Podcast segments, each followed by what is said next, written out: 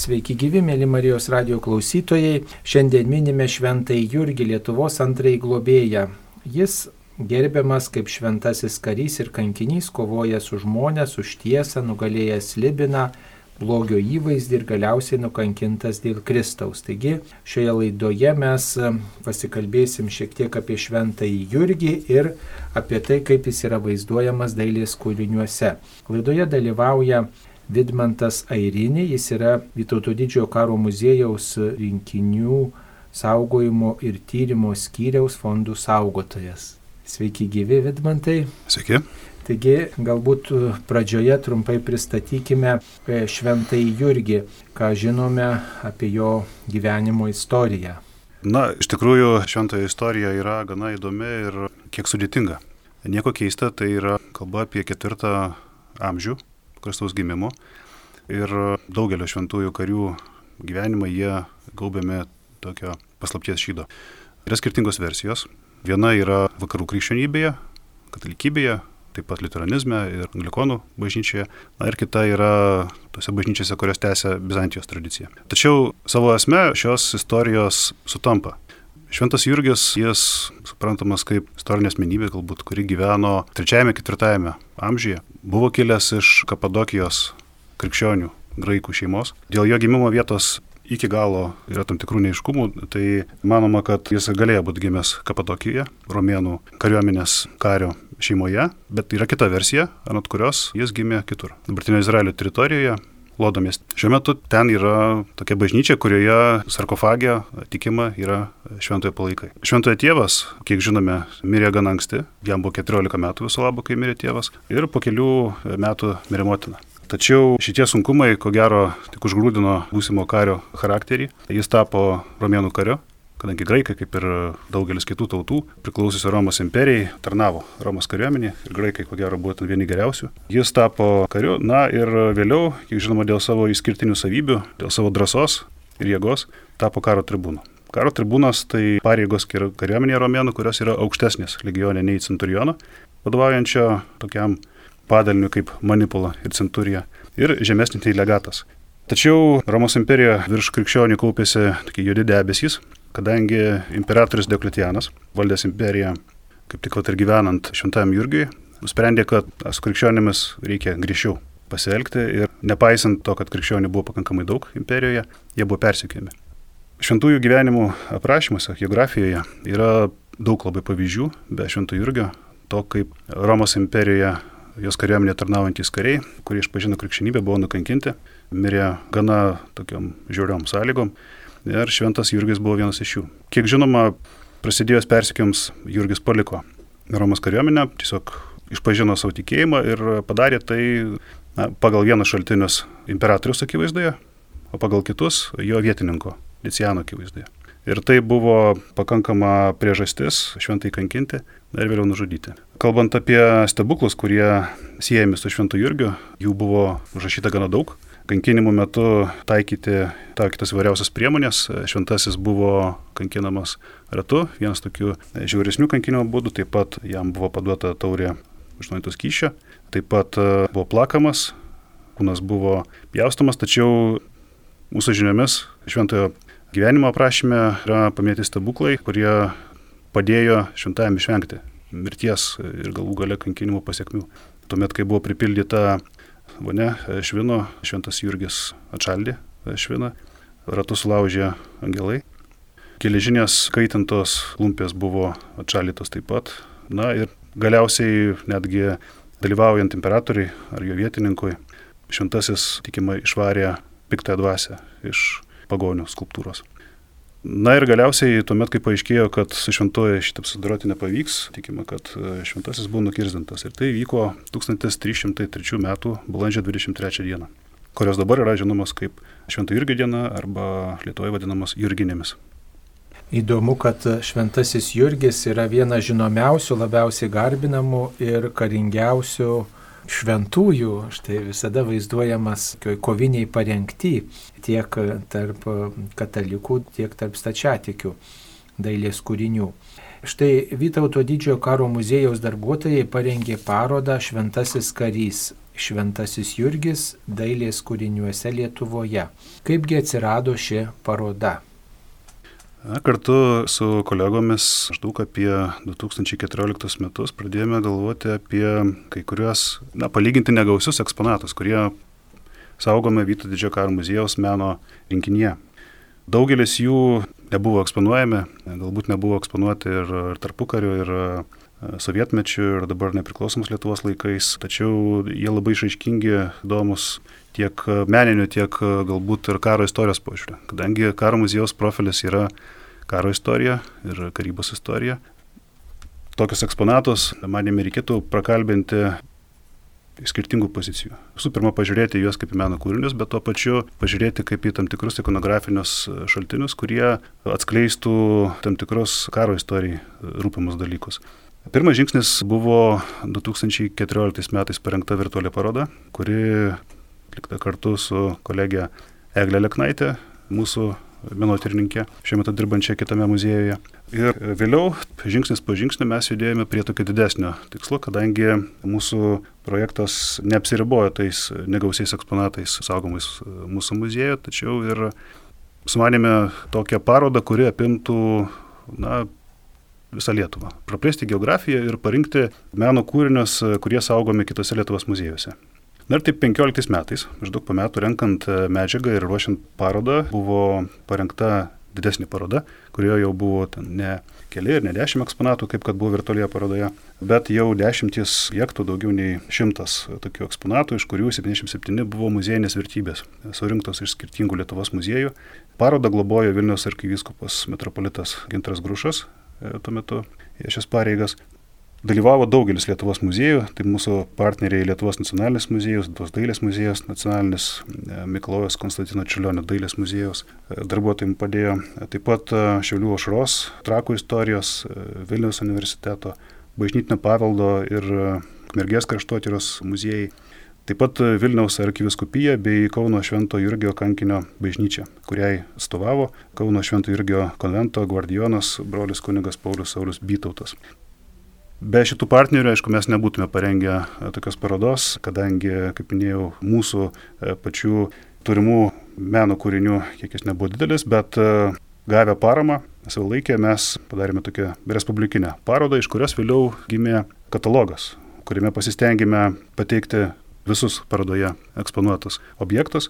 Na ir e, čia visi e, mano minėti Lietuvos muziejai, bažnyčia e, aktyviai dalyvavo ir jausdami jų paramą, turėdami tokią labai tvirtą palaikymą, šį leidinį parengėme ir 17 metais jis buvo išleistas pavadinimu Šventasis karys, Šventas Jurgis dailės, dailės kūriniuose. Aišku, kalbant apie patį leidinį, kaip ir parodoje, mes neapsiribojame vien tik tai Švento Jurgio vaizdavimo Lietuvoje tradiciją, kurioje matome ne tik karų krikščionybės, katalikybės, bet taip pat ir ortodoksų tų bažnyčios kūrinius, ikonas. Manome, kad tai labai svarbu pažiūrėti į šventą karį visapusiškai. Na ir pasitengėme atskleisti tą tokį tarptautinį kontekstą, kaip atsirado ta vaizdavimo tradicija ir kaip šventas Jurgis keliavo per tą maždaug tūkstantį metų nuo jo tokio švento kario kulto sustiprėjimo brandžiaisiais viduramžiais iki 19-20 amžiaus. Turbūt reikėtų tarti ir tai, kokia Švento Jurgio gyvenimo scena dažniausiai vaizduojama dailėje, koks tas dažniausias siužetas. Pagrindinius siužetus, aišku, turime du. Pirmasis, kuris yra retesnis, tai Švento kario kankinimų ir mirties scenos, kurios yra plėtę tiek vakarų, tiek rytų bažnyčių ikonografijoje tačiau jos yra palyginti retos, jeigu pažvelgsime į kitą. Tokia karinės šventų irgi funkcijas akcentuojantį, akcentuojančią pusę, tai šventojo kovo su slibino. Šis siužetas yra paplitęs jau maždaug 12-13 amžiuje ir svarbiausi dalykai čia, aišku, tokios simbolinės prasmes. Suprantame, kad kova su slibinu gali būti interpretuojama labai skirtingai Na ir šis siužetas iki pat mūsų dienų išlieka pagrindinis e, ne tik toje bendroje krikščioniškoje tradicijoje, bet ir Lietuvoje. Net giliaudės meistrai, kurdami šventojo atvaizdus ir kompozicijas su juo susijusias 20-ojo amžiaus pradžioje, pirmoje pusėje, jie rinkdavosi būtent šį siužetą. Taip, ir dažniausiai mes jį ir atpažįstam, raitelio jojantis karys, laiko rankose jėti, tačiau štai turiu katalogą prieš akis ir netgi tie rytų atvaizdai, rytuose paplitę Švento Jurgio atvaizdai ir vakaruose paplitę atvaizdai turi vieną tokį bendrą dalyką, tai yra karys rankoje laiko jėti ir pats karys apsivilkęs tokiais raudonais rūbais. Tai turbūt ženklina jo kankinystę ir tą nuolatinį pasirengimą atmušti priešą. Ar teisingai įvardinu tuos vaizdavimo ženklus, iš kurių šis e, karys yra atpažįstamas? Šventasis Jurgis, kankinys ir karys. Taip, žinoma, ir dar galbūt e, turėtume truputėlį papildyti šias žinias apie Švento Jurgio vaizdavimą toje bizantietiškoje tradicijoje ir vėliau stačiatikių e, kraštuose, kurie perėmė tapybos tradiciją. E, Šventas Jurgis, jis labai dažnai vaizduojamas kaip Bizantijos karys. Tai yra raudona spalva, tai e, šarvai, kurie na, labai primena brandžiųjų viduramžių Bizantijos karių šarvus. Tai trikampės arba lašo formos skydas, kuris buvo naudojamas viduramžiais. Kartais jis yra ir apskritas, jis būdingas raiteliams ir pėstininkams Bizantijos imperijoje. Čia aišku jau yra ir rytų įtaka, ir senovės pasaulio įtaka. Jis apskritai bizantiška tradicija panašus į antikinį karį.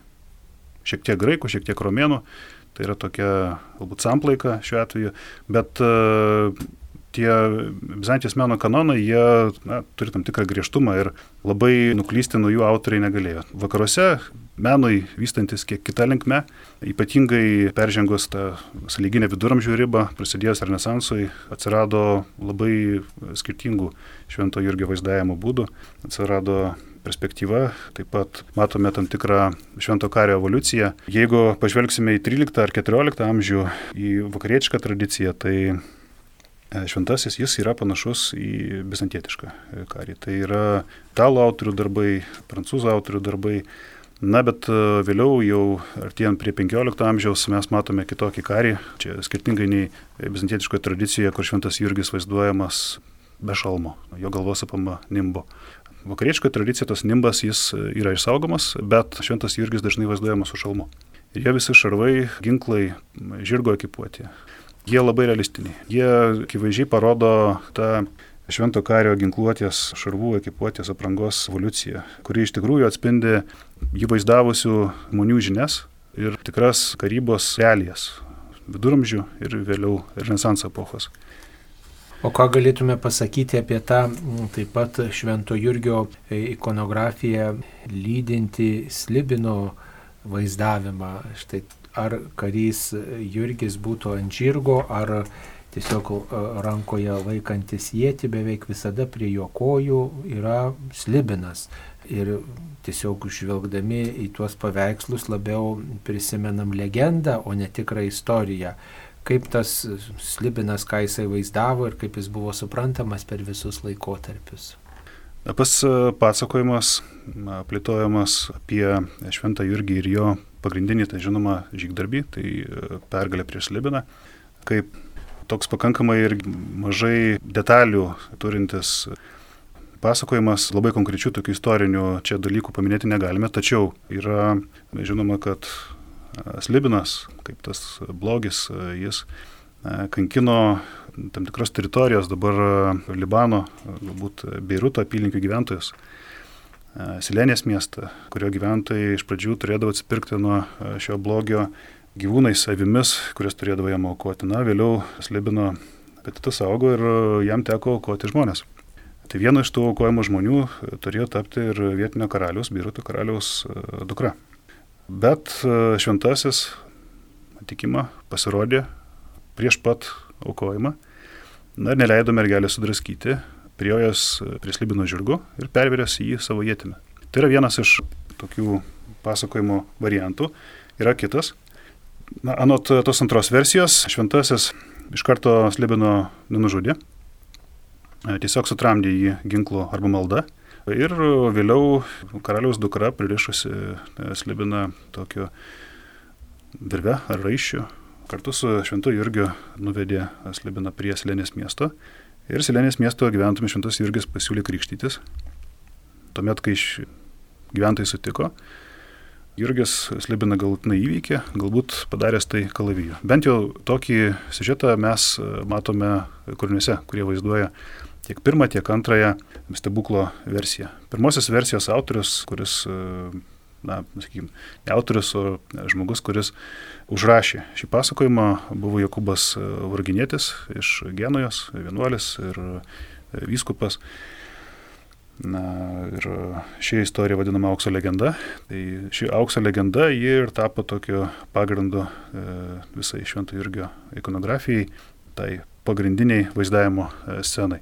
Pats Libinas, e, jis, žinoma, dabar gali būti skirtingai suvokiamas. Tuo metu, kai aukso legenda buvo paplitusi ir buvo ypatingai svarbi europiečiams, kryžiuočiams, kurie kariavo Šventoje žemėje, keliavo ten na, vieni iš e, tokių e, pakankamai feudalinių paskatų, kiti galbūt e, ginti krikščionių svarbių vietų Kristaus karsto. Skirtingų motyvų tikrai buvo jiems kaip kariams. Šventas Jurgis, šventas karys buvo pagrindinis globėjas. Dabar mums sunku įsivaizduoti, kiek giliai jie tikėjo. Žinoma, tai buvo labai gilus ir stiprus tikėjimas, kadangi karys netgi nuo to meto žmogaus gyvenančio kartais konfliktų draskomai Europoje labai skyrėsi, e, nukeliavęs dabartinės Prancūzijos, Italijos, Vokietijos ar Anglijos kilmingas žmogus arba nepasiturintis žmogus patekęs į artimųjų rytų smėlynus, e, kovodamas su vietiniais gyventojais, kurie išmanė tą teritoriją žymiai geriau, gynėsi puikiai tvirtintose miestuose, e, tvirtovėse, jam tas pagalbos reikėjo. Ir Šventas Jurgis e, e, vis tik e, vakariečio tradicija tapo to pagrindiniu šventųjų kariu ir tuo metu jis buvo pagrindinis karys ir iki šiol jis išlieka vienu iš tokių šventųjų karių. Na, o rytų bažnyčios tradicijoje tai čia jo pozicija taip pat yra, buvo labai tvirta ir tam, sakykime, Bizantijos kariui, kuris turėjo ginti savo valstybę vis mažėjančią dėl arabų, vėliau turkų seldžiukų smūgių, arba Kyivo Rusijos kariui, kuris turėjo vykti kautis į e, stepę su polovcais ar vėliau su mongolais totoriais, e, toksai užtarėjas buvo reikalingas. E, tai pagal pirminę versiją, grįžtant prie kovos su Slibinu siužeto, Slibinas tai buvo pagonybė, tai buvo šetonas ir jį įveikė e, krikščionių karys, Ir kartu šitą krikščionių kario pergalę simbolizavo Kapadokijos, e, krikščionių apgyvendintos Turkijos dabartinės rytinės teritorijos pergalę e, arba bažnyčios pergalę e, prieš stabilystę ir blogį šitoną. Dar vienas toks įdomus dalykas, štai šiame kataloge yra vienas paveikslas, vieno paveikslo kopija, tai Šventasis Antanas Didysis ir Šventasis Jurgis. E, štai jie susitikę kartu, bendrauja ir virš jų yra švenčiausia mergelė Marija, tarsi danguje toks regėjimas. E, šito paveikslo autoris yra Antonijus Pizanelas iš 15 amžiaus paveikslas saugomas nacionalinėje Londono galerijoje. Ir kiek teko skaityti, Šventasis Antanas ir Šventasis Jurgis buvo beveik amžininkai, nes jeigu Jurgis mirė 303 metais, Šventasis Antanas mirė 356 metais. Taigi galimas daiktas, kad jie tikrai buvo susitikę ir na, štai tas Libinas jų gyvenime taip pat, na, turėjo tam tikrus tokius e, atitikmenis, reiškia, kaip įdos, kaip trūkumai, kaip pagundos Švento Antano gyvenime, su kuriomis jisai kovojo ir, ir, ir to mokė kitus kovoti su tuo Slibinu, kuris kaip pagunda tyko žmogaus ir štai Šventasis Jurgis, jo vaizdavimas neatsiejamas nuo to Slibino. E, galbūt apie tai galima e, kažko, kažkokią keletą sakinių pasakyti apie tuos kitus asmenis Švento Jurgio gyvenime, kiek tai žinoma tie realūs susitikimai ir tai tiesiog na, dailininkų, teologų tiesiog bandyta išvesti tam tikros paralelės. Kalbant apie Šventą Jurgį ir jo amžininkus, e, čia ko gero turėčiau kalbėti apie mano akirantin patekusius šventosius karius. Tokių šventųjų karių, čia galbūt ir aišku vėliau bus galima jas paminėti, buvo gana daug. Na, kaip atsitiko vis tik, kad taip daug tų šventųjų ir kankinių atsirado šioje epochoje, aišku, jau buvo prasitarta apie imperatorius Deklitiano ir jo artimiausiai pėdinių tos krikščionių persikėjimus, kurie buvo tokie paskutiniai e, didieji Romos imperijoje. Tai Žinomas e, kitas e, šventasis, taip pat šventasis karys Demetrijos, kuris geriau žinomas e, rytų krikščionybėje, bet žinomas taip pat ir vakarų krikščionybėje ir katalikų bažnyčioje, dar vadinamas Demetrijumi iš Tesalonikų, jo gyvenimo ir ties metai maždaug sutampa su Švento Jurgio. Tai taip pat labai arti chronologiškai esantis šventasis Florijonas, Tai taip pat ir e, Teodoras iš Amasijos, e, tokių e, šventųjų daug, bet apie jų tarpusavio bendravimą, apie kažkokius kontaktus, na, žinių neturime. Čia galbūt, aišku, būtų tokio galbūt gilesnio ir tam tikro tyrimo objektas. Na, taip pat ikonografijoje pastebime žirgą, turbūt e, šventasis Jurgis vienintelis iš daugelio šventųjų, kurio atvaizduose yra žirgas ir jis štai ant žirgo jodamas mėgia tą slibiną. Ką galėtume apie tą žirgą pasakyti, kodėl jis vaizduojama šalia kario, ar čia norima pabrėžti, kad tas karys ypatingoje koviniai parengti yra, ar dar kažką? Yra bent e, keli paaiškinimai. Na, e, ko gero toks pirmasis, kalbant apie ankstyvąją krikščionybę, e, būt, reikėtų atkreipti dėmesį į tai, kad krikščionys, na, ankstyvoji ikonografija, jie buvo, krikščionių šventieji buvo vaizduojami raiti. Tradicija galbūt perimta iš, na, sakykime, vakarų Azijos, bet tuo pačiu žinome, kad romėnų kariuomenės vadai, taip pat karininkai, jie labai dažnai e, taip pat buvo vaizduojami e, raiti. Ir aišku, tie aukščiausiai kariai, galbūt tokie netgi kaip ir karo tribūnos, kurio tikima buvo šventas Jurgis, jie galėdavo ir kautis, ir kariuomeniai vadovauti raiti. Kadangi tai jau na, šiek tiek daugiau nei pėstininkam vadovaujantis karys, daugiau nei legiono pėstininkam vadovaujantis karininkas. Na ir galų gale pačioje Romos imperijoje egzistavo toliau toksai raitelių sluoksnis kilmingų karių. Ir ne tik karių, bet tuo pačiu ir Romos visuomenės sluoksnis.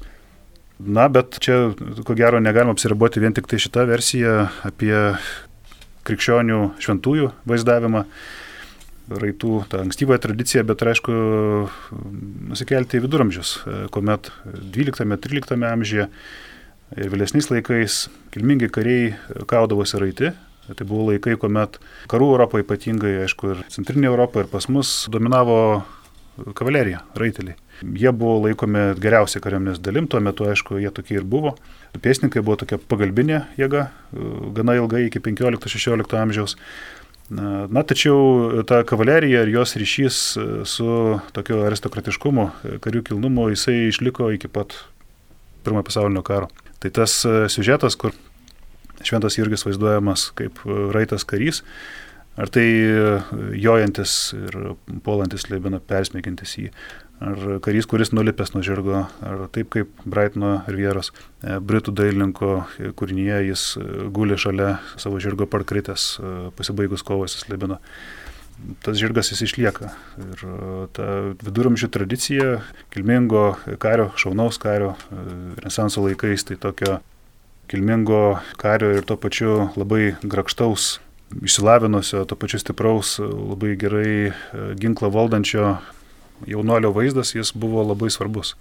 Ir viduramžiais ir 16 e, amžiuje Italijoje, tą matome iš Rafaelio Sančio kūrinių, e, taip pat iš Paulo Čelo kūrinio na, ir kitų darbų tai įkūnyje ne tik tai karį, bet įkūnyje tokį tvirtą vyrą, kuris gina, kuris kovoja, kuris nėra toksai, kaip sakoma, apsi, apkiautęs kažkoks ar ne. Ir dar viena tokia detalė, kurią e, atkreipiau dėmesį tik ruoždamasi šiai laidai, tai yra kai kuriuose kūriniuose vaizduojama e, mergaitė. Tai tikrai gal ne tik norima perteikti na, tą istoriją, kad apgynė mergaitę nuo slibino, e, tačiau galbūt ir kita tokia tiesa pasakoma štai, kad dėl moters, dėl, dėl kitos mens ir ypač dėl silpnesnės, silpnesnio žmogaus, kuris negali apsiginti, vyras yra kviečiamas kovoti, ginti. Ar galima taip interpretuoti? Na, taip, kalbant apie tą mergaitę ir jos įvaizdį, čia aišku minėjome, kad ji gali būti tapatinama su bažnyčia, su Kapadokija, kurios turėjo būti apgintos nuo pabaisos, nuo blogio. Ir šventasis karys tai ir atliko.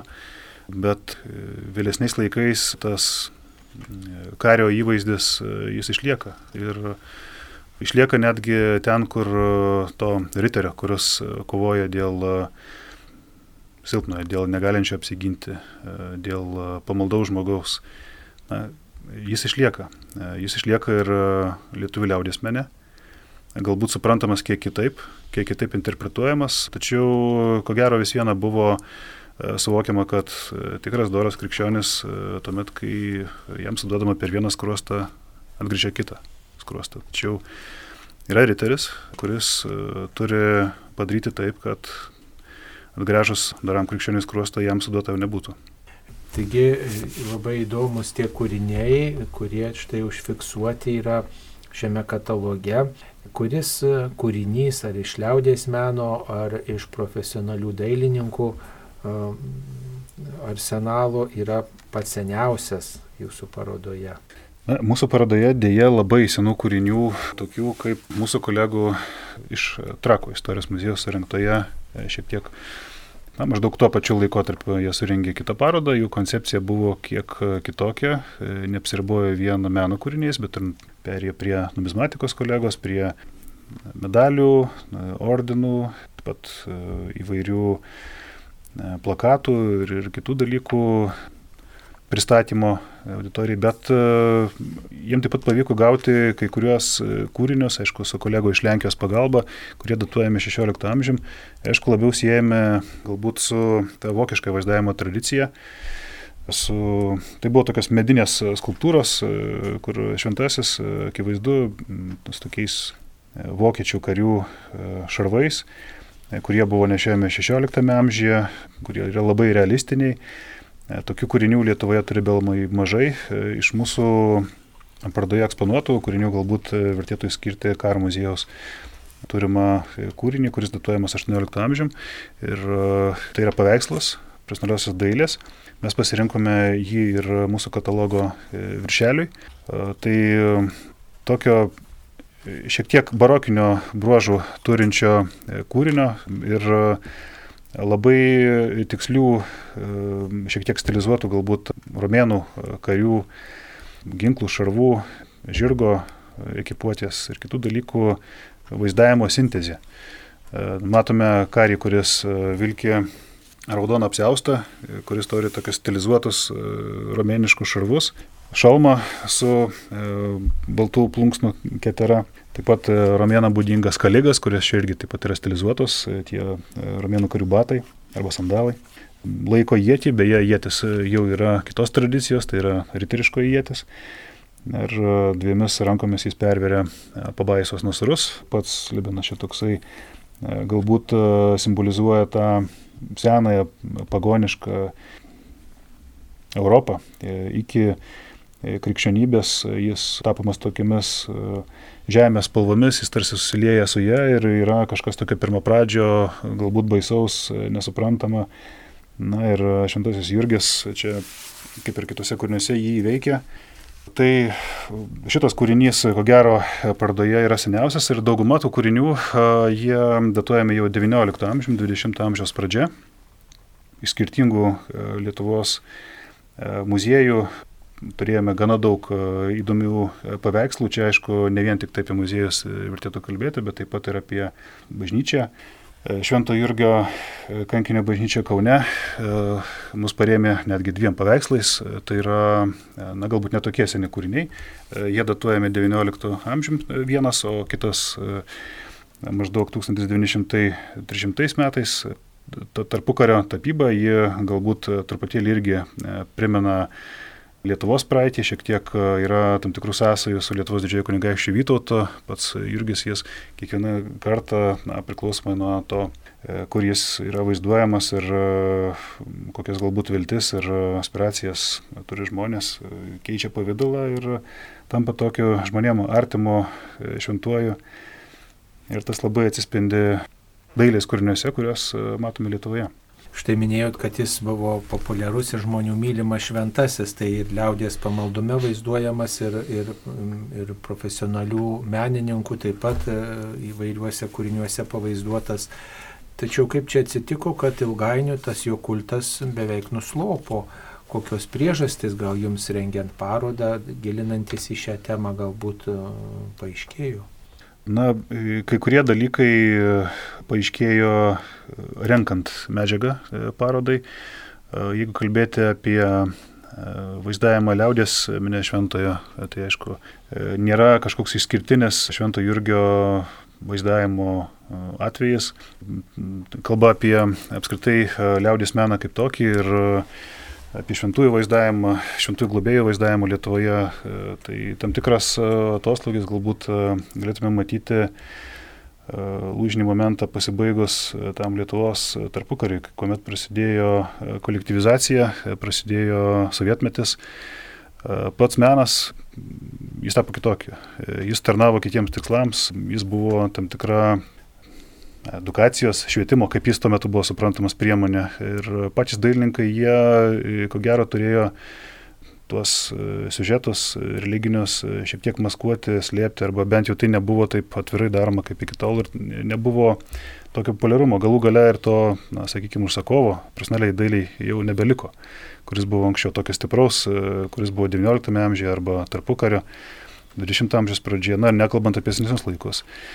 E, tai be abejo pasikeitė ir pati visuomenė. E, jeigu kalbėti apie XIX amžių ir 20 e, amžiaus pirmąją pusę šventasis buvo dažniausiai, aišku, vaizduojamas liaudės mene tokiai kompozicijai, kurie įsiveikęs Libiną, tai yra liaudės skulptūros kompozicijos. Jis buvo Lietuvoje suprantamas kaip gyvulių, kaip pasėlių globėjas, kaip ūkininko globėjas ir tai buvo labai aiškiai parodoma. E, jos skulptūros buvo išdėstomos tose vietose, e, pro kurias žmonės turėjo ginti gyvulius. Tarkim, e, balandžio 23 prisidėdavo tas sezonas, kaip tik per Jurginės, kuomet tos gyvulių bandos buvo genamos į ganiklas. Na ir ūkininkai prie savo kiemų, prie vartų, prie kažkokių svarbių takų, e, keliukų išdėstydavo e, šventojo turinės kompozicijas. Jos buvo dėstomas koplystolpėse, kartais e, šventas buvo ten išdėstamas vienas, kartais jis buvo išdėstamas kartu su kitais šventaisiais. Taip pat, jeigu kalbėti apie ne tik skulptūras, bet ir, na, sakykime, paveikslus arba kitus kūrinius, raižinius, kurie taip pat liaudės mene buvo pakankamai populiarūs. Juos ir dabar galime matyti kai kuriuose Lietuvos vietovėse, pavyzdžiui, E, Drasūniškyje e, yra tokie rytiniai arba Švento Jurgio vartai, kur ir dabar galim matyti šventą atvaizdą. Ir tie vartai, aišku, irgi buvo pakankamai svarbus, kadangi už jų prisidėdavo ganyklos, e, daržai, laukai, ten žmonės praleisdavo daug laiko ir, aišku, stengdavosi užsitikrinti šventąją paramą. Tuo metu visas bendruomenės gyvenimas priklausė nuo to, koks yra derlius, kaip gerai, na, sakykime, auga jų karvių bandos, taip pat arkliai, šventas Jurgis suprantamas ir kaip arklių globėjas. Ar tai, dėl to, kad vaizduojamas ant žirgo? Manau, kad e, viena iš priežasčių, kodėl jis vaizduojamas ant žirgo e, lietuvių tauto dailė, tai ir buvo ta, kad jis e, visų pirma ir arklių globėjas. Jis taip suprantamas ne tik Lietuvoje katalikų, bet taip pat ir pačių stačiatikių. Stačiatikių ikonose aiškiai matome įrašus prie Švento Jurgio. Jis buvo laikomas daugelį kraštų laukinių žvėrių patronų, globėjų ir buvo stengiamas, prašoma, šventojo užtarimo siekiant apsaugoti savo bandas nuo vilkų, nuo lokių ir E, kitų plėšrių gyvūnų. E, tai tas kultas jis buvo pakankamai stiprus ir dabar, aišku, mes nematome galbūt e, tokio populiarumo, kaip kad 20-ojo amžiaus pirmoji pusė arba ankstesniais laikais, tačiau netgi dabar keliaujant per provinciją galime aptikti ne tik senųjų šventojo vaizdavimo ženklų, tačiau ir žmonės įsikūrentys, netgi jaunos šeimos, kai kuriuose kaimo vietovėse prie savo vartų kiemo pakabino švento atvaizdą, na, kartu pasagą, tai tas toksai tikėjimas liaudės jis kažkiek išlieka ir tos tradicijos jos toliau na, saugomos. Gal ir dėl to siejama su kaimu šventasis Jurgis, nes jo vardas reiškia lietuviškai žemdirbys. O gal žinote apie kokius stebuklus, kurie įvyko būtent per švento Jurgio užtarimą? Šventasis karys na, kaip ir daugelis kitų tai šventųjų karių, mes jų galim priskaičiuoti beveik 30. Čia tarp jų ne tik vyrai, bet ir e, kelios moterys. Jie e, laikomi tokių militarinių funkcijų, jiems priskiriamas tos militarinės funkcijos e, ir jie laikomi karių globėjais. Tai su šventuoju Jurgiu galėtume sėti bent kelis tokius ryškius įvykius. Kadangi e, mano minėti kryžiuočiai, jie ne iš karto pasiekė savo tikslus šventoje žemėje, susidūrė su labai rimtu pasipriešinimu ir kai kuriais atvejais iš tų puolančių tapdavo ir e, puolamaisiais, turėdavo gintis ir galiausiai šventoje žemėje jie iš tos žemės turėjo trauktis. Na bet e, Jeruzalės šturmas, kuris buvo, aišku, vienas iš daugelių Jeruzalės apsiausties metu, E, tai kalba apie 1099 metus. Tikima, e, buvo e, toks įvykis, kuris aiškiai rodė šventų irgi įsikišimą.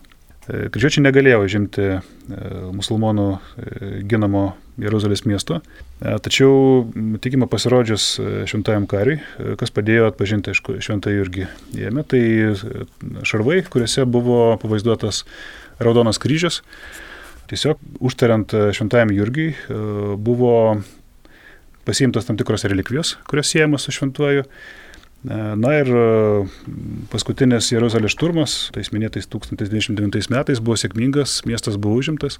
Aišku, čia tą užėmimą lydėjo visokiausi tokie sunkus dalykai, tačiau, aišku, turim ir tos dalykus žinoti. Bažnyčia dėl to taip pat jau 20 amžiuje yra gailestavusi, bet na, vienas iš tokių žinomų įvykių tai Jeruzalės šturmas. O kitas tai e, jau siejamas su dabartinė Sakartvelu arba Gruzija.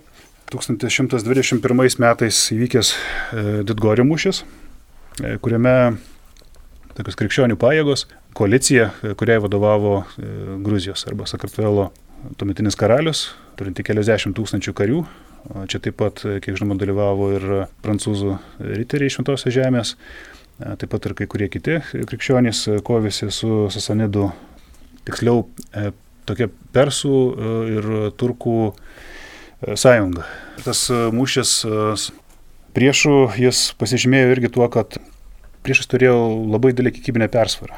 Ir čia švento įsikišimas jis laikomas tuo stebuklu, kuris padėjo tą priešą turkus saldžiukus įveikti kadangi, kiek žinoma, jų buvo bent kelis kartus daugiau. Tačiau pasirodžius e, šventajam ir galbūt netgi vedant jam į mūšį gruzinus ir kitus krikščionių karius, e, tikima pavyko būtent per šį stebuklą priešą įveikti. E, gruzinai, pagerbdami šventąjį, turi labai daug bažnyčių, kurios yra skirtos šventam Jurgiui, taip pat ir vienuolynų.